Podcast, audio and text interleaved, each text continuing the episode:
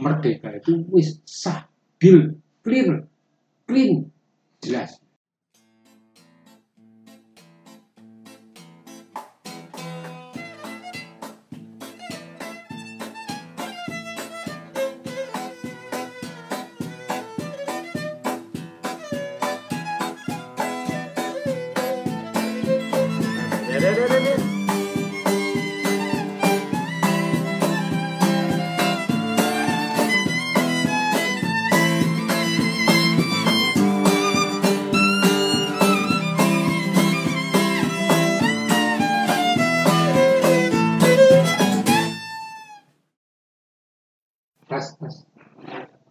Masuk. Suaranya masuk suaraku ya melebu. Gunamu Ya enggak udah. melebu ya coba ngomong ke wingi sing rundang runding wingi sih. kejadian yang menimpa Republik Indonesia. Setelah proklamasi terus ada perundingan Linggarjati ada agresi militer satu. Ada persetujuan Renville terus ada agresi militer dua kondisi TNI politisi dan organisasi kerakyatan itu pecah atau masih solid Pecah. tanda-tandanya kelihatan pecah Jadi nggak suara diplomasi aja nggak bulat kok. lo kan kabinet memang jatuh bangun kan itu kan ada kabinet Ya, itu, itu kan tanda kalau mereka nggak. Pemahaman soal kemerdekaan kedaulatan itu tidak tidak sama dalam perspektif mereka. maksudnya kok kok, kok nggak sama? Jadi sekarang menurut tuntutan mereka nggak sama antara politisi sama TNI ya paling gampang polarisasi ini paling gampang ditebak. Itu melihat polarisasi yang ada itu dari tapi kan dalam sistem pemerintahan tentara itu kan di bawah politisi itu iya tuh.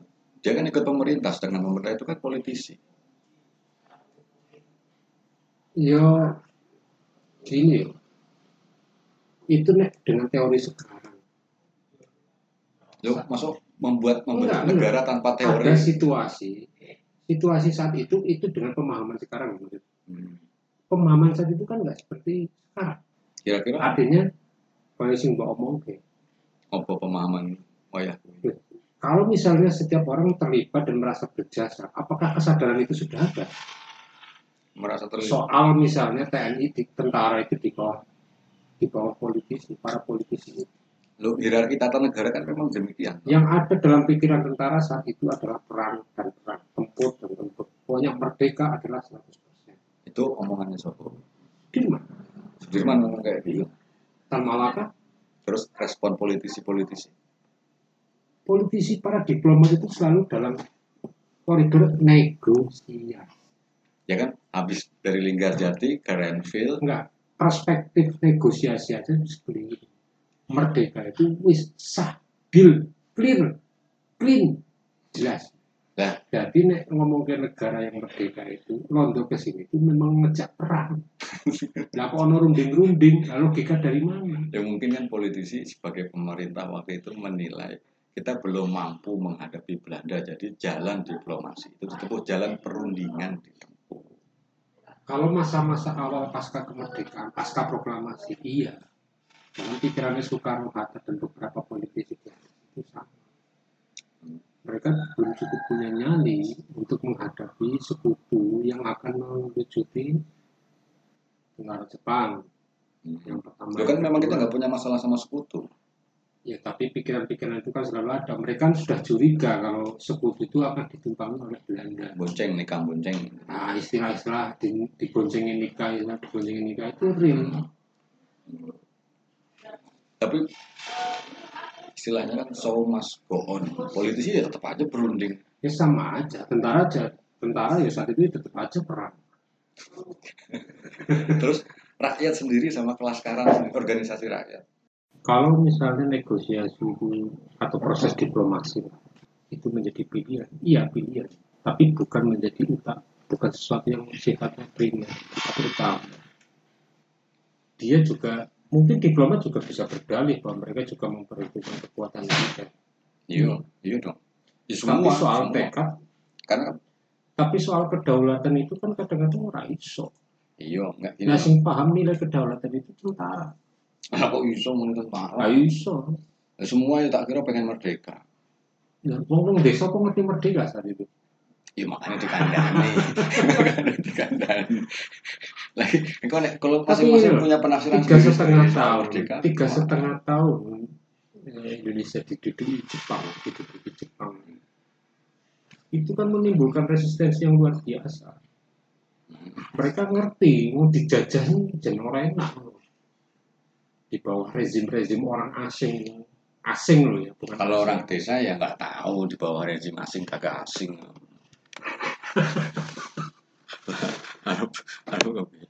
nah yang jelas kan hierarkinya gitu hierarkinya tentara itu di bawah pemerintah iya tuh mau Hmm. nggak bisa dipungkiri oh, masuk iya, masuk iya. masuk bikin negara nggak ada teori tapi enggak maksudnya ini saat itu di kalangan tentara sekalipun apakah ada pemahaman seperti itu tapi kalau tentara sama politisi di masa itu patuh nggak? ya enggak patuh 100% ya. Gerundel-gerundel di Iya, belakang. itu tapi maksudnya kayak hijrah itu kan ya patuh setelah Renville itu. Apa? Hijrah. Patuh apa? Apa itu enggak memunculkan resistensi? Opo resistensi ini opo? Lu siliwangi harus bunga-bunga wegah ini awal-awal. Dia itu menolak Nasution berarti itu kesabaran Nasution sama Sudirman wae gelem ngerayu. Mandani anak buah. Eh eh iki iki ora mundur. Mung hijrah kalau kisah kanjeng Rasulullah dan Siliwangi nerima? Terima dari situ dia terima setelah itu politisi tetap itu, itu kalah loh Renville itu kalah secara diplomatik. Linggadjati itu kalah secara diplomatik penyerah terima sekutu ke Belanda itu itu sudah menandakan kekalahan fatal. Oh ya itu spiro berturut-turut itu diplomatik itu kalah melulu di situ. Gini loh kalau nggak ada ini loh karena kadang-kadang orang soal misalnya eko ek- orang dalil apa asas nih hukum itu equality before the law kan setara ya equality before agreement. Soal itu kan harusnya dipahami. Berarti ketika orang negosiasi itu sejajar setara. Nggak sejajar. Dada ya untung kalau perang itu kan melibatkan banyak aspek. Kalau tempur iya militer senjata. Tapi perang itu kan melibatkan semua aspek. Ekonomi sosial budaya politik bukan cuma di nasional atau lokal tapi juga global regional kawasan. Kan perhitungannya harus juga keluar nggak cuma di dalam. Indonesia merdeka di saat tidak ada pemerintahan yang berkuasa. Hmm. proklamasi kemerdekaan itu sesuai dengan eksistensi Indonesia kemudian. Hmm. begitu proklamasi kan berarti sudah menjadi negara yang merdeka itu sudah sesuai dengan konvensi Montevideo. Sudah sesuai dengan konfer- kon- konvensi konvensi Montevideo. Artinya di situ ada beberapa syarat eh, untuk berdirinya sebuah negara. Setelah itu kalau ada invasi dari asing itu berarti kekuatan bersenjata saat itu belum awal-awal belum ada ang- angkatan perang.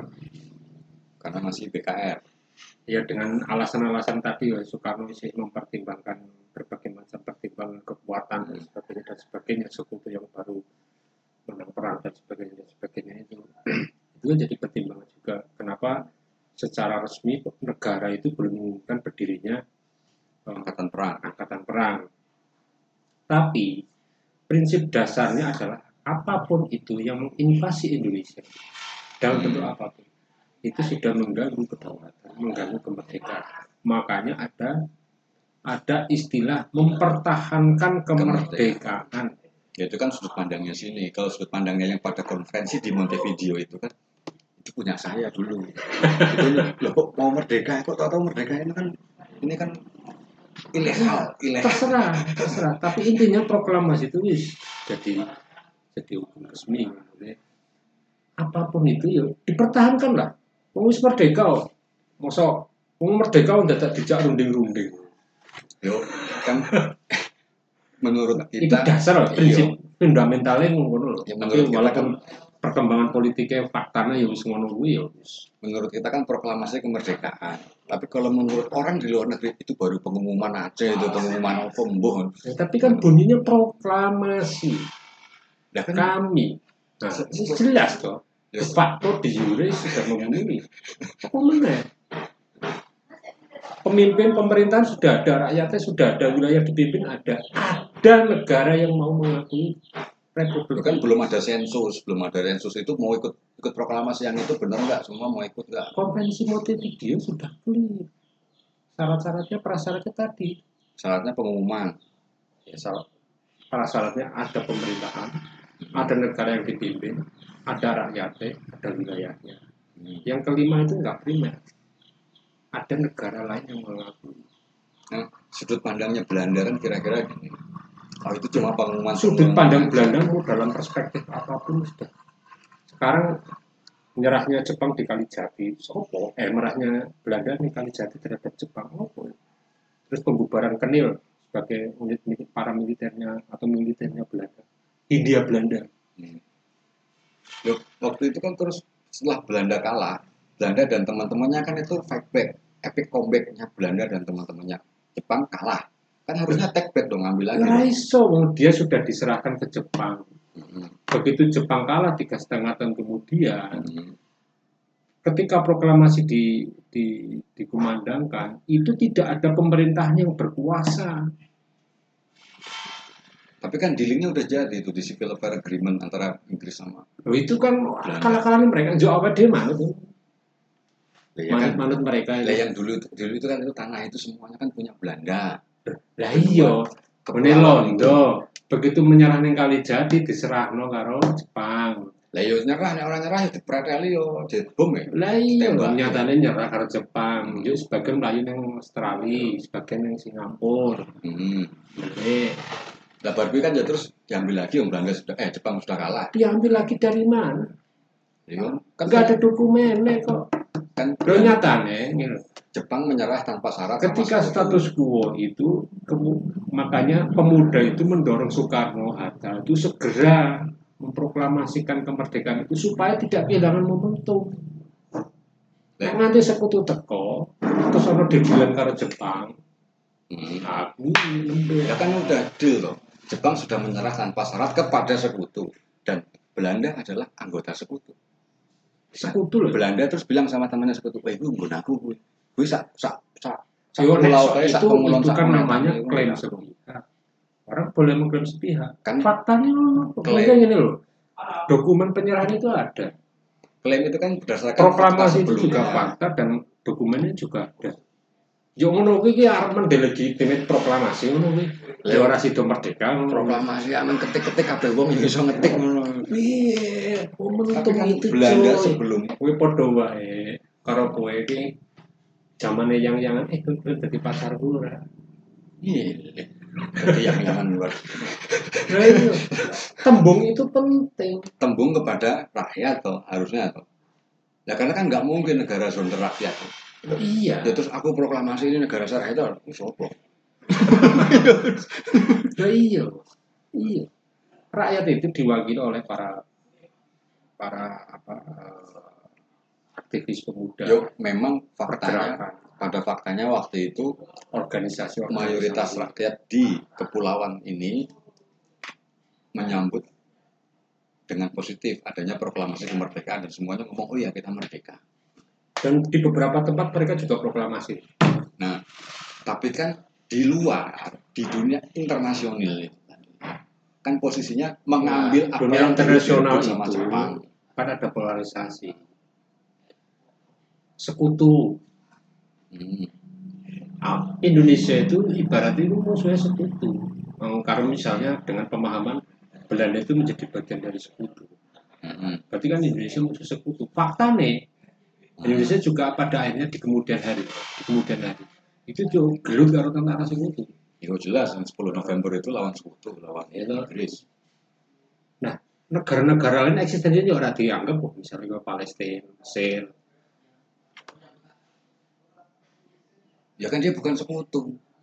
Lah makanya. Jadi ini deal-dealan di antara sekutu. Kok deal-dealan? Lah kan pemenang perang. Enggak iso. Pemenang perang lawan Jepang. piye wong iki negarane kene. Wong wis men wis wis jelas-jelas proklamasi. Lah proklamasi gak nang pengumuman loh. Lho ono rakyate, ono warga negarane, ono pemerintahane. Ya, makanya waktu itu terus Belanda punya perspektif, dia punya sudut pandang. Oh, itu cuma pengumuman, itu cuma ekstremis ekstremis aja itu. Itu dia garong aja. Itu kan klaim Rakyat. sepihak Belanda. Iya. Makanya kan hak rakyat dione lawan. Makanya klaim itu harus dibuktikan dengan fakta. Datang komisi tiga negara itu toh untuk Komisi tiga negara itu dalih-dalih untuk menengahi. Ini mau Ya. karena Londo itu selalu mengundur-undur, menunda-nunda, mengko-mengkoke. kan faktanya Inggris itu sudah menemukan fakta di Bojonegoro di Sukabumi dia dapat gempuran hebat. Nah, tapi yang ini Inggris, Inggris itu mengakui secara jujur. Iya, kondisi faktanya ternyata masyarakat memang menginginkan ini memang sebuah wilayah yang menginginkan kemerdekaan. Sampai 10 November itu juga habis-habisan Inggris. Bahkan mungkin brigade berapa, brigade pas 9 atau brigade berapa yang akhirnya tanggal sebelum November Oktober eh, Oktober di Oktober itu Inggris mengibarkan bendera putih di Surabaya dan waktu itu Inggris mengakui dia berada pada dia bukan dia menghadapi rakyat yang memang ingin merdeka bukan ekstremis seperti yang dikatakan Belanda. Baru setelah itu ada peninjauan peninjauan dari PBB nah setelah semua yang dialami seperti itu Diplomat, politisi. antara antara kekuatan bersenjata dengan diplomat dengan kekuatan berbicara itu satu paham nggak satu sikap nggak dalam mensikapi Dalam- Londo gitu. dalam rangkaian pertempuran Bojokoko sampai sampai itu. Kayak- Pokoknya sebelum sebelum diadakannya persetujuan tinggal jadi Hmm. kan kayak itu bilang hampir satu paham, satu frekuensi sampai Linggarjati sebelum sampai sebelum tinggal jadi. sebelum Linggarjati terus Tapi puncaknya kita eh, penyerahan penyerahan oleh sekutu ke Belanda, oleh Inggris ke Belanda. dari Inggris ke Belanda yang diserahkan itu Itu wilayah apa menyerahkan sesuai tawanan dengan civil agreement apa itu? civil affair agreement. Nah itu. CAA itu. jadi istilahnya wis wis ndo londo aku ora melu melu aku. Nah, ning kene iki wis Wis ngurusin ngurusin ngurusin dhewe nek pencen iki tekmu ya kowe kudune iso akal ora wah tapi nek ora ya wis aku remuk. Nah Inggris kan terus dia fokus ke wilayahnya sendiri dong wilayahnya Malaya. Malaya menggunakan kowe urung keurus kok ndo londo aku ngewangi kowe tekor ning November ya Neng CAA itu kan disebutkan bahwa nanti wilayah Indonesia bagian timur itu menjadi wilayah Australia. Emang yuk Iya kan yang jaga tentara yang jagain wilayah-wilayah Indonesia bagian timur itu tentara Australia. Yang deal-dealan itu terjadi antara terjadi. sekutu sama Belanda apa Inggris sama Belanda Ya, pokoknya CA itu kan Inggris, CAI civil civil affair Iya. civil affair eh, termasuk empat negara apa ya? Pokoknya sing sing Abdakom Australia, itu. eh, Australia, Amerika, Inggris, sama Belanda. Nah, itu Nah, pengen ngerti negaranya detail ya buka buku mana? yo pengen kok maca sih neng apa buku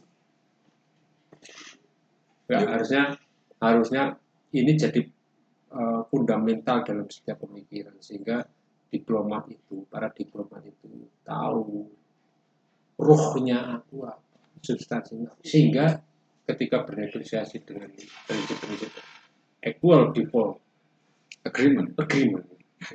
Before memorandum equal before memorandum.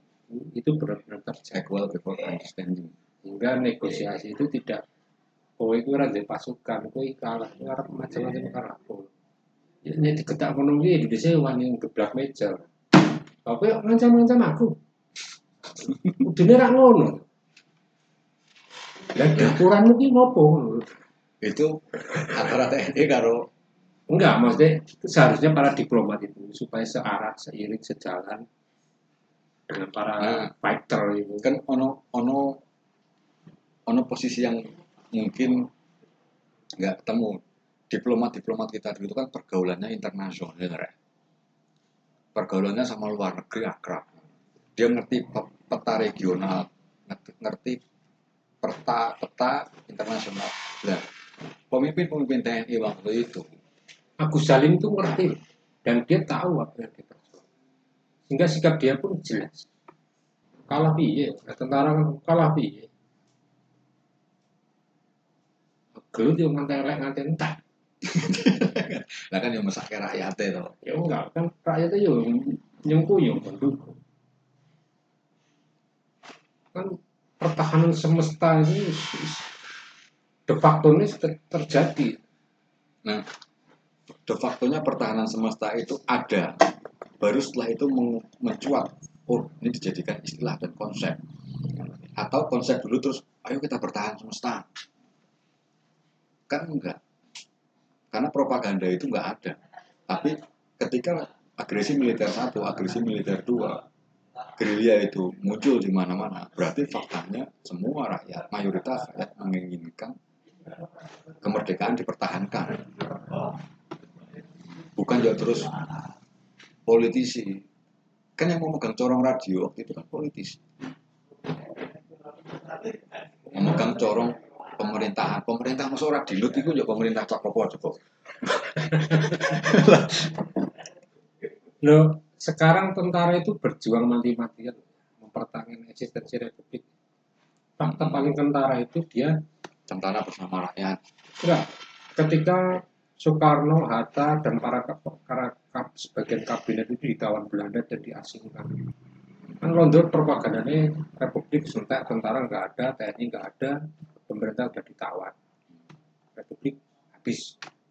Ini itu itu setelah agresi ke Jogja Tapi tentara itu juga berupaya bahwa eksistensi republik itu harus tetap ada. Walaupun politisi juga sudah merencanakan. Tapi per surat perintah yang sampai ke eh, Safruddin, PDRI, itu kan nggak dia terima. Sampai dengan dibubarkannya itu, dia tidak terima surat itu, atau dokumen perintah itu, atau memorandum. ya tapi kan masuk Arab kondo-kondo suratnya ora ketompo ya tetap Iya. acting menerima Ya, Nah, orang kok londo ngerti Nah. Itu satu sisi. Sisi yang lain adalah tentara itu kemudian menghidupkan pemerintahan militer. ya itu perintah siasat Nah, supaya eksistensi republik itu tetap ada. Hmm. Itu soal eksistensi loh. Tentara paham soal diplomasi. paham Paham. Sebenarnya paham. Ayo ngomong tentara sampai ada umur rundang runding rundang runding kayaknya sing gelut kono isone Iya. macak penak mangan enak rundang runding rundang runding kayaknya sing gelut paten paten asalnya ngono ya makanya pakai strategi diplomasi dulu gue gitu durung kuat le nek arep musuh Ayo ki nek ngono kuwi padha wae ki ngomong ke dhisik endi. Pitik karo ayam. Pitik karo ayam. Ndok karo ayam. Ya nek se- semuanya berjasa iya, semuanya berjasa. iya dong semuanya Tapi cuman faktanya di lapangan tapi ini loh, tentara itu banyak dikorbankan. ya iya Dan menjadi nyekel korban. bedil nyekel bedil masuk orang orang ora gelem ketembak ya ketembak politisi kan gak nyekel bedil masuk ketembak Maksudnya bukan soal itu risiko, maksudnya dampak dari keputusan atau kegagalan politik diplomasi kita itu tentara yang menerima dampaknya secara langsung. dan rakyat Sing ngopeni rakyat sopo? Tentara mana? Ya, diplomat ngopo? Ya aku ditawan ya, ditawan ini bangga. ya orang masuk bangga Nah, nyatane ya orang nyatane kejadiannya itu oh, bukan kejadian. kejadiannya ya ditawan itu masuk terus ditawan ya muni aku dijak piknik ning menunding ning bangga Ini kan ya ora mungkin tetep ditawan Kejadiannya ngono. nah yang nguri-nguri rakyat supaya nggak putus semangat itu Nah, iya kan ya tentara. tentara Walaupun tentara sih, eh, rakyat pun di satu sisi merindukan kehadiran tentara. Loh, Nah, ini merindukan kehadiran politisi nggak di rakyat Oh. Enggak. Tapi yang jelas ini, ketika Belanda menggempur menyerang Jogja eh, 19 Desember 48 Hmm. itu, itu jelas rakyat itu merindukan tentara dengan misalnya loh kita TNI ini di digempur kok meneng wae. Berarti kan dia rindu loh.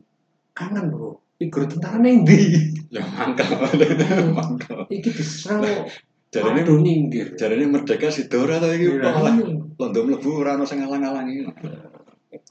Cepet loh dari Maguwo masuk ke istana cepet. Nah dari situ maksudku gini, maksudku ada ada positioning yang jelas antara politisi, kekuatan bersenjata, rakyat dan negarawan.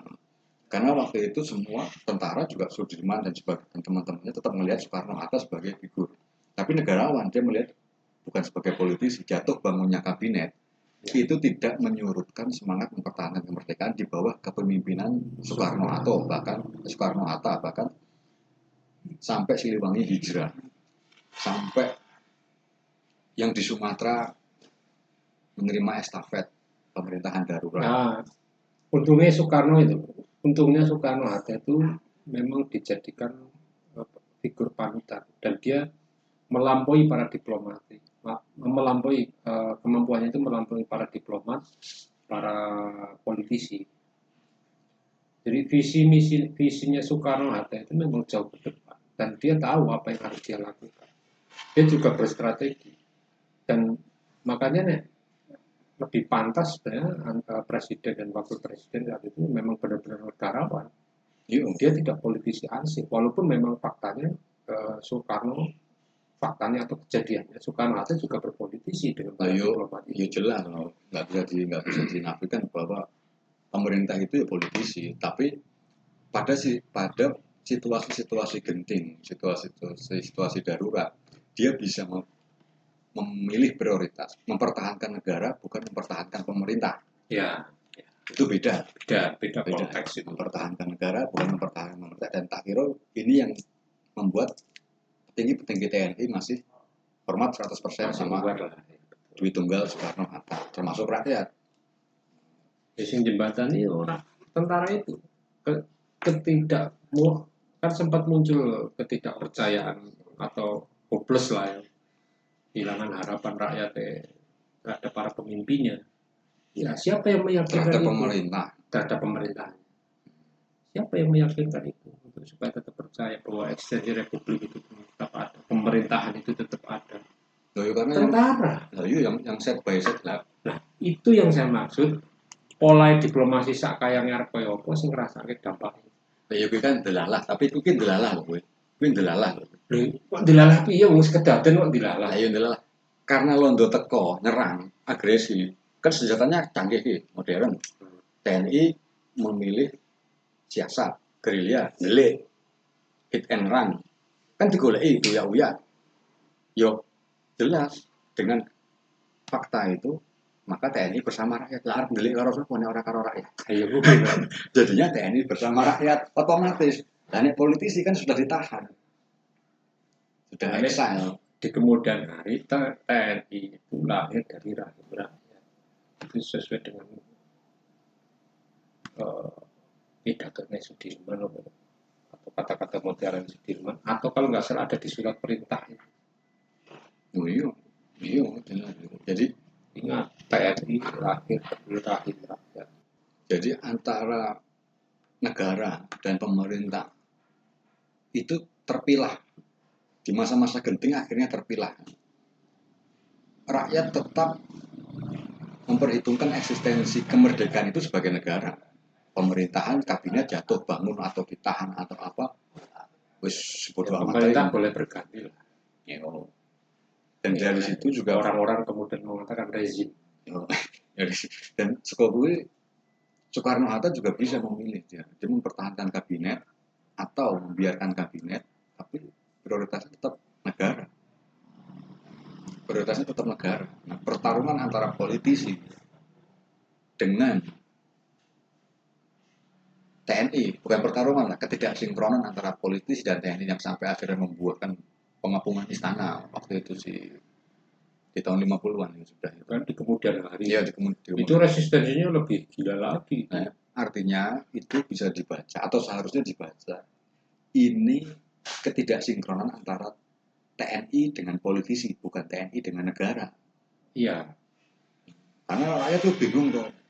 Kalau negara itu terus dicaplok eksistensinya sebagai pemerintah toh Yo, ketika pemerintah tongkrah sesama parpol aja umpamanya pukul-pukulan. Lho apa ya terus negara dong saling memukul negara. Tahun 50 itu kan ada Rira. Ada Rira lagi Mhm. di mana Dua kali Rera. ya. Jadi tahun 50-an ke sini itu bahwa tentara tuh diintegra eh, ekskenil dan beberapa tentara bekas lada yang pribumi dan Hmm. beberapa masih beberapa juga tentara yang memang dari Belanda asli itu kan diintegrasikan ke APRIS Angkatan Perang Republik Indonesia Serikat. Serikat sesuai dengan KMB. Nah ini kan menimbulkan kecemburuan dan kayak mau secara psikologis gue kan musuh aku tembak-tembakan lu saya ini jadi Ya, bahkan mungkin ikut Malah melakukan pembersihan beberapa itu ratingnya di atas di atas di atas tentara yang sudah bertahun-tahun berjuang Karena kan profesional ya. Kan kan tentara profesional kenal itu mbok biaya-biaya profesional. Nah itu nih menurutku kan kegagalan diplomatik lah. Nek TNI kan waktu itu dianggap masih ekstremis. Loh, ini dengan pemahaman Rondo ya seperti itu loh. Dengar menurut siapa ya? Lah itu pernyataan Rom Royen itu. Itu perundingan atau pernyataan tuh? Pernyataan. Bukan perundingan. Bukan. Lah kok bisa bukan perundingan? Mau ketemu kok maksudnya nggak berunding? Loh, podo-podo menyatakan kok. Lebih. Berarti Enggak ada deal-dealan di situ. Kan disebutkan Masing-masing pihak menyatakan. yang dinyatakan sama Rom. Makanya kan room Rumroijen statement, Hmm. bukan agreement. Kemeringkis mana? Itu Rom Rom menyatakan apa Rom?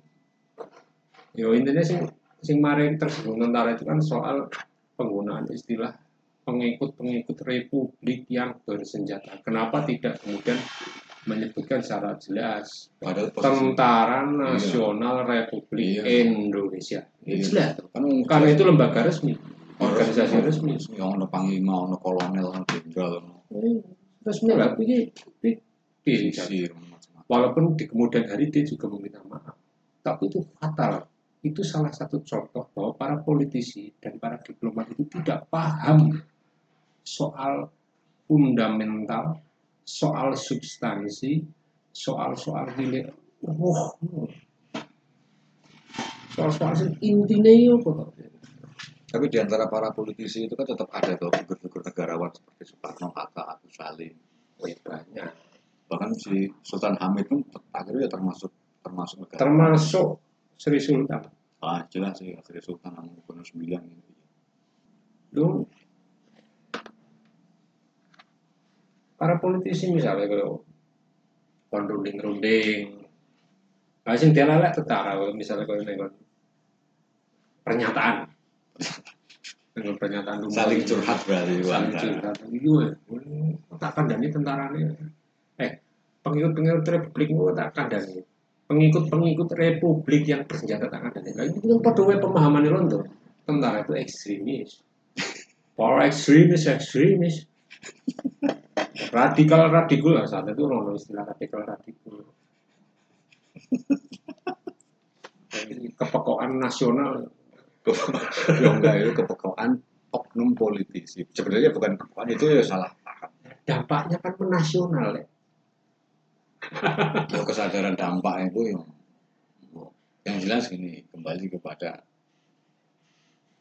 kita bahas gini kan karena kita tahu jalan sejarah akhirnya berjalan seperti apa. Tapi waktu itu masing-masing pihak yang berjuang tetap bergerak atau berjalan menurut keyakinan yang menurut mereka paling rasional, baik itu di kalangan tentara ataupun di kalangan diplomat atau politisi. Jadi anak ini biar menaiki ono diplomat, ono politisi, ono negarawan. Ini negarawan clear ya ngomong. rasional sesuai dengan pemahaman mereka Nah, ini yang itu ini. ayo nih mereka orang paham Tapi kan menurut mereka, lho kowe iku sing ora paham. Kowe tembak-tembakan tuh kena kalah kowe demortir minggat kowe. Eh, tapi kan ngelawan Tapi kan mati iku kalah. orang mati. mundur bisa mundur kenyataannya tetap ngelawan Nah, sejauh mana Lawan ngelawan iki lho, tentara kan iso ngomong nih. Iki lho guru-guru cangkemmu sing kleru ngono kuwi. yo aku jadi tembak-tembakan terus-terusan toh maksudnya jane tentara pengen nurung mbok kowe nek runding-runding iki sing pokro sing bener orang mau bener kok ini bener Nah, gue kan masih kira-kira menurut rasio, rasionil. Nah, karena mereka nggak pernah bersinggungan, diskus dengan tentara itu nggak pernah. Yang mau masuk orang diskus diskus. Loh, tentara itu selalu dijadikan alat kepentingan politik. Jadi memang alat negara. Nah, Enggak, alat kepentingan politik. Saat itu juga berlaku. Apa pemahaman seperti itu. Saya ingin ya. Kalau misalnya Amir dan Yusuf itu juga mempengaruhi tentara. Termasuk pernyataan Emilia Teruta Galuh sing ditawani karo Amir. Kowe kowe jadi tentara itu lain. Kan orang Batak lain. lain. Kau ikut aku lah. Nanti kau jadikan Pangkat kau, kau beri jabatan kau. Ayo lo bilang rai propaganda. Rai bilang. Ya memang nggak bilang dia nasionalis. Kemudian dia Karena salah dalam pemahaman Dirman. di tengah-tengah berbagai macam dinamika yang terjadi itu para politisi berusaha meraih kekuasaan dan kekuatan. Jadi kekuasaan harus ditopang dengan kekuatan. Yang saat itu ditambahi kekuatan bersenjata. Karena laskar juga masih banyak yang pegang senjata. Artinya rakyat yang senjata beneran apa bambu runcing? Oh ya beneran, beberapa bambu runcing golok ya mesti ono. Tapi Iya. nek senjata yang mereka pegang lah. Orang kita siji loro telu. Ya mesti pegang lah. Kan ya lucu mamane tentara bengok-bengok teriak-teriak konvoy setelah itu dipotret sama wartawan dipublish internasional tentara kita bambu runcing ngono kok Arab merdeka Enggak, Makanya ini ekstremis ini, ini ekstremis ini, ini anarko. Nah, ya, yang dijadikan propaganda Belanda itu selalu foto-foto seperti itu. Dalam pemahaman mereka kan tentara itu harus punya seragam, harus punya identitas, kepangkatan dan Makanya sebagainya. Iya, kalau TNI itu semua clear. Walaupun tidak semua tentara ya kan itu TNI itu, di- seragam loh. enggak, maksudnya sudah. Tapi tidak semuanya bagian. Hmm. Eh, Lagian yo konveksinya urung aku. ayo sudah tapi semuanya tidak bagian. Nah, laskar ini laskar ini eks, tetap eksis. Itu kan setelah era yang pertama itu tahun 48 kalau nggak salah. Ya tapi kan nggak bisa nyalain Belanda juga. Belanda kan katanya ada TNI sama Laskar sama rakyat apa bedanya semuanya? Nggak pakai sepatu semua, kalau tentara itu pakai sepatu. Pakai sepatu. pakai sepatu. Ada di parade militer itu ada. 46 itu pakai sepatu. Tapi kan yang nggak pakai sepatu ikut parade juga, ikut baris juga tuh. Laskar eksistensi laskar sebelum Ya mereka mana itu tahu diakui. orang Belanda bedanya itu Laskar sama TNI. Ya sama- makanya itu yang dijadikan Belanda. Belanda kan ibaratnya itu suara ngerti. Yang dijadikan propaganda Belanda itu ini loh. TNI kan ini loh, orang seragaman, do nyeker, gone golok, seneng ngerampok, Tapi terus gawe resah warga, gawe resah rakyat. Mulanya nang oh, iya, no. neng Hindia and Belanda. order apa menegakkan kembali ketertiban. Makanya nikah itu kan order itu Netherlands Indies Civil Menegakkan- menegakkan pesanan, Ya kan menegakkan sesuai pesan. ya Belanda kan habis digebuk Jerman ya harus balik modal juga. tuh. Balik modal kok ngendi? Wong digepuk kok. Ya, kalau- jadi modal nglawan lo. Lah kalau enggak, ya kan maksudnya tekor lah, maksudnya tekor. Nek tekor bener. Kalau enggak dari sini mau golek balen saka ngendi? Wong sing gemar Pak lo Cinawi yo ning kene. Nah, terus kira-kira kira-kira yang membuat Belanda hopeless untuk tidak meneruskan penekanannya untuk mengambil tanah yang dia klaim sebagai Netherlands Indi itu apa sih? Desakan internasional apa karena memang kayaknya nggak bisa lagi melawan gerilya, nggak bisa melawan TNI atau karena Lo kan diplomat keren-keren Indonesia ya terakhir mau nggak mau harus diakui lah. Terakhir KMP itu kan KMP itu sebenarnya rangkaian tuh. Itu puncak karena ada kesepakatan tingkat jati, Renville kemudian mengerucut di tapi ini sudah direncanakan. hmm. Nah, iya Mau apa nih ngomong? konferensi Belanda Indonesia itu suka mengulur-ulur waktu. Selama dia mengulur-ulur waktu ini kan dia bisa mungkin mengambil kekayaan. Jadi manajemen konflik lah. Kalau nek wong masyarakat umum mengatakan tadi. sambil mengambil resource. Ya, jadi konflik tapi di balik konflik itu dia ngambil resource. Setelah melakukan pendudukan pasca agresi termasuk Belanda itu terang-terangan itu yang agresi pertama yang operasi produk itu. Dia kan memang benar-benar menguasai semua lahan semua resource sumber daya. Pokoknya soal undernaming dan itu alasan kenapa pilihannya bumi hangus ya tentara kemudian membunuh jadi pikiran tentara ini wah ini bang dikuasai lo dia dobong wae nih bang lo jadi dan nambahin modal londo nambahin modal lo padahal lo itu ora modal. Mau di sini karo Marshall Plan ya jenenge wa, kelicit masuk orang nyilih? Ya di sini. Di sini karena masalah. Padahal pemerintah Belanda, pemerintah Belanda, mungkin negara Belanda bisa diwakilkan dengan eksistensinya ratu dan raja. itu kan negara pemerintah kan beda Nah ya, pemerintah kan mereka dipimpin oleh perdana menteri. tuh. Hmm. Pemerintah Belanda itu juga ngapusi rakyat. Hmm. Le, gue tak seragami, tak ada tentara, teteko neng kono. Neng tanah Jawa, neng Nederland, Indis. itu Nederland itu Indisnya Nederland Iya, Indianya. Jadi Oh, itu merdeka itu hoak gitu Jadi, kowe rono, kowe ning kono kah perampokan. Digerbuki ngono kuwi. Kono kah perampokan. tapi emang ono tentara Belanda yang terus akhirnya menyadari oh kita oh, dihapus banyak. Di dokumen-dokumen yang surat-surat yang seperti kabarkan The Bridge apa-apa tuh surat-surat serdadu Belanda yang akhirnya jadi itu kan sempat digugat ditulis juga oleh eh, serdadu Belanda di Indonesia si terbitannya si siapa itu itu banyak dokumen-dokumen yang banyak Kalau faktanya ya tentara eh pemerintahan Belanda ya ngaku sih. Kembali menaruh kedudukan seperti kedudukan Indonesia antara politisi dan negara itu beda. Negarawan dan politisi beda.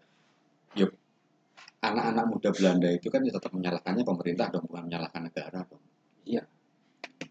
Pemerintah Belanda Nah, sendiri maksudnya kan di sini ada titik tengahnya hmm, tengah para politisi ini menganut hal yang sama dengan yang tentara.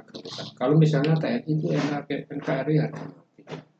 NKRI itu apa? Negara Kesatuan Republik Indonesia. Artinya wong ini ora rasa, kowe ora rasa macam-macam ngomong ke apa-apa. Ini soal kedaulatan ini jadi poin utama. hmm. Apa pun kamu nanti bernegosiasi atau berdiplomasi sama.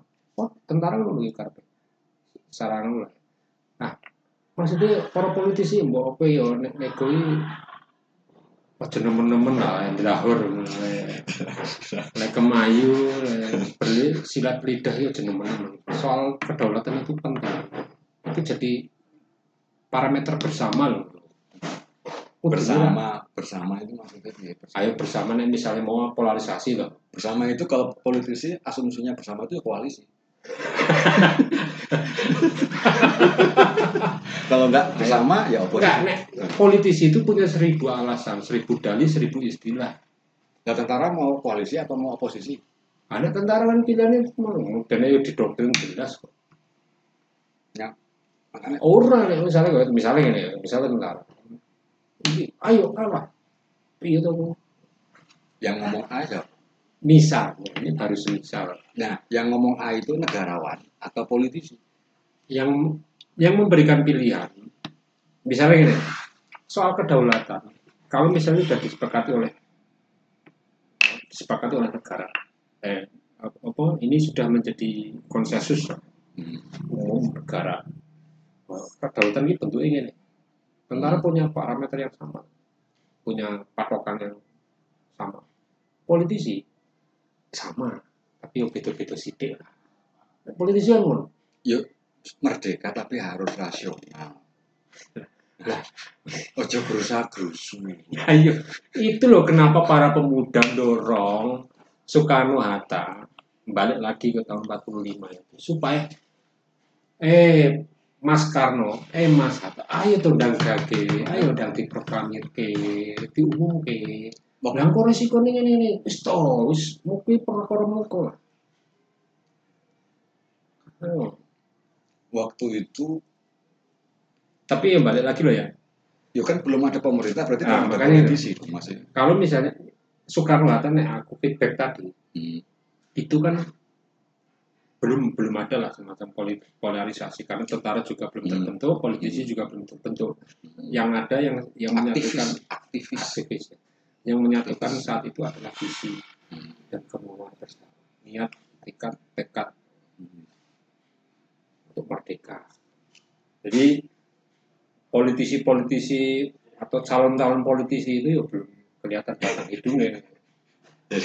yang yang ini ada statement menarik kan ketika pemerintah akhirnya terjebak pada politik praktis karena dia dihasilkan melalui pemilu atau parpol ketika pemerintah terjebak oleh politik praktis maka negarawan terakhir di Indonesia adalah TNI karena politik TNI adalah politik negara bukan politik Betul itu. betul dan Betul lah. Ya, saya ini misalnya kayak gegeran kayak pemilu ini.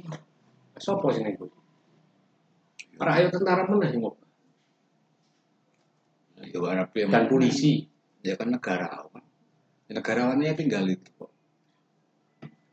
Yang satu-satunya lembaga negara yang Ber- dengan lugas dan lantang saya berdiri di atas kepentingan negara. Itu tentara. Coba DPR.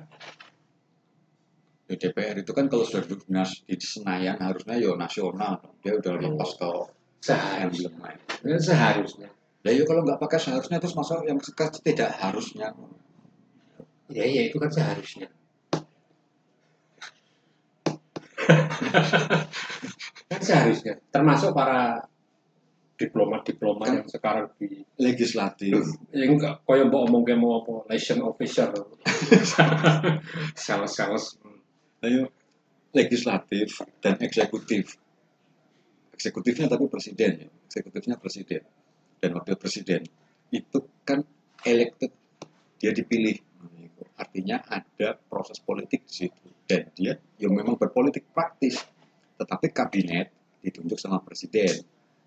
Sebenarnya harusnya dia tidak berpolitik praktis atau tidak dibentuk berdasarkan kepentingan politik praktis. Namanya bagi-bagi kursi termasuk juga bagi-bagi koalisi atau oposisi atau apa yang di Senayan.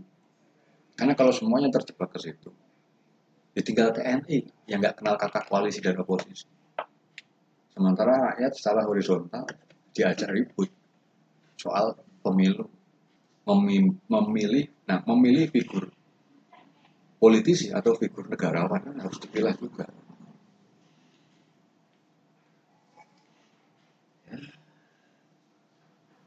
Tapi Soekarno ya juga jelas. Tentara jangan ikut-ikut politik. Ya benar politik tentara adalah politik negara. Nah, kalau kalau politik pemerintah koalisi sama? Posisi berarti pemerintah bukan negarawan ya Allah alam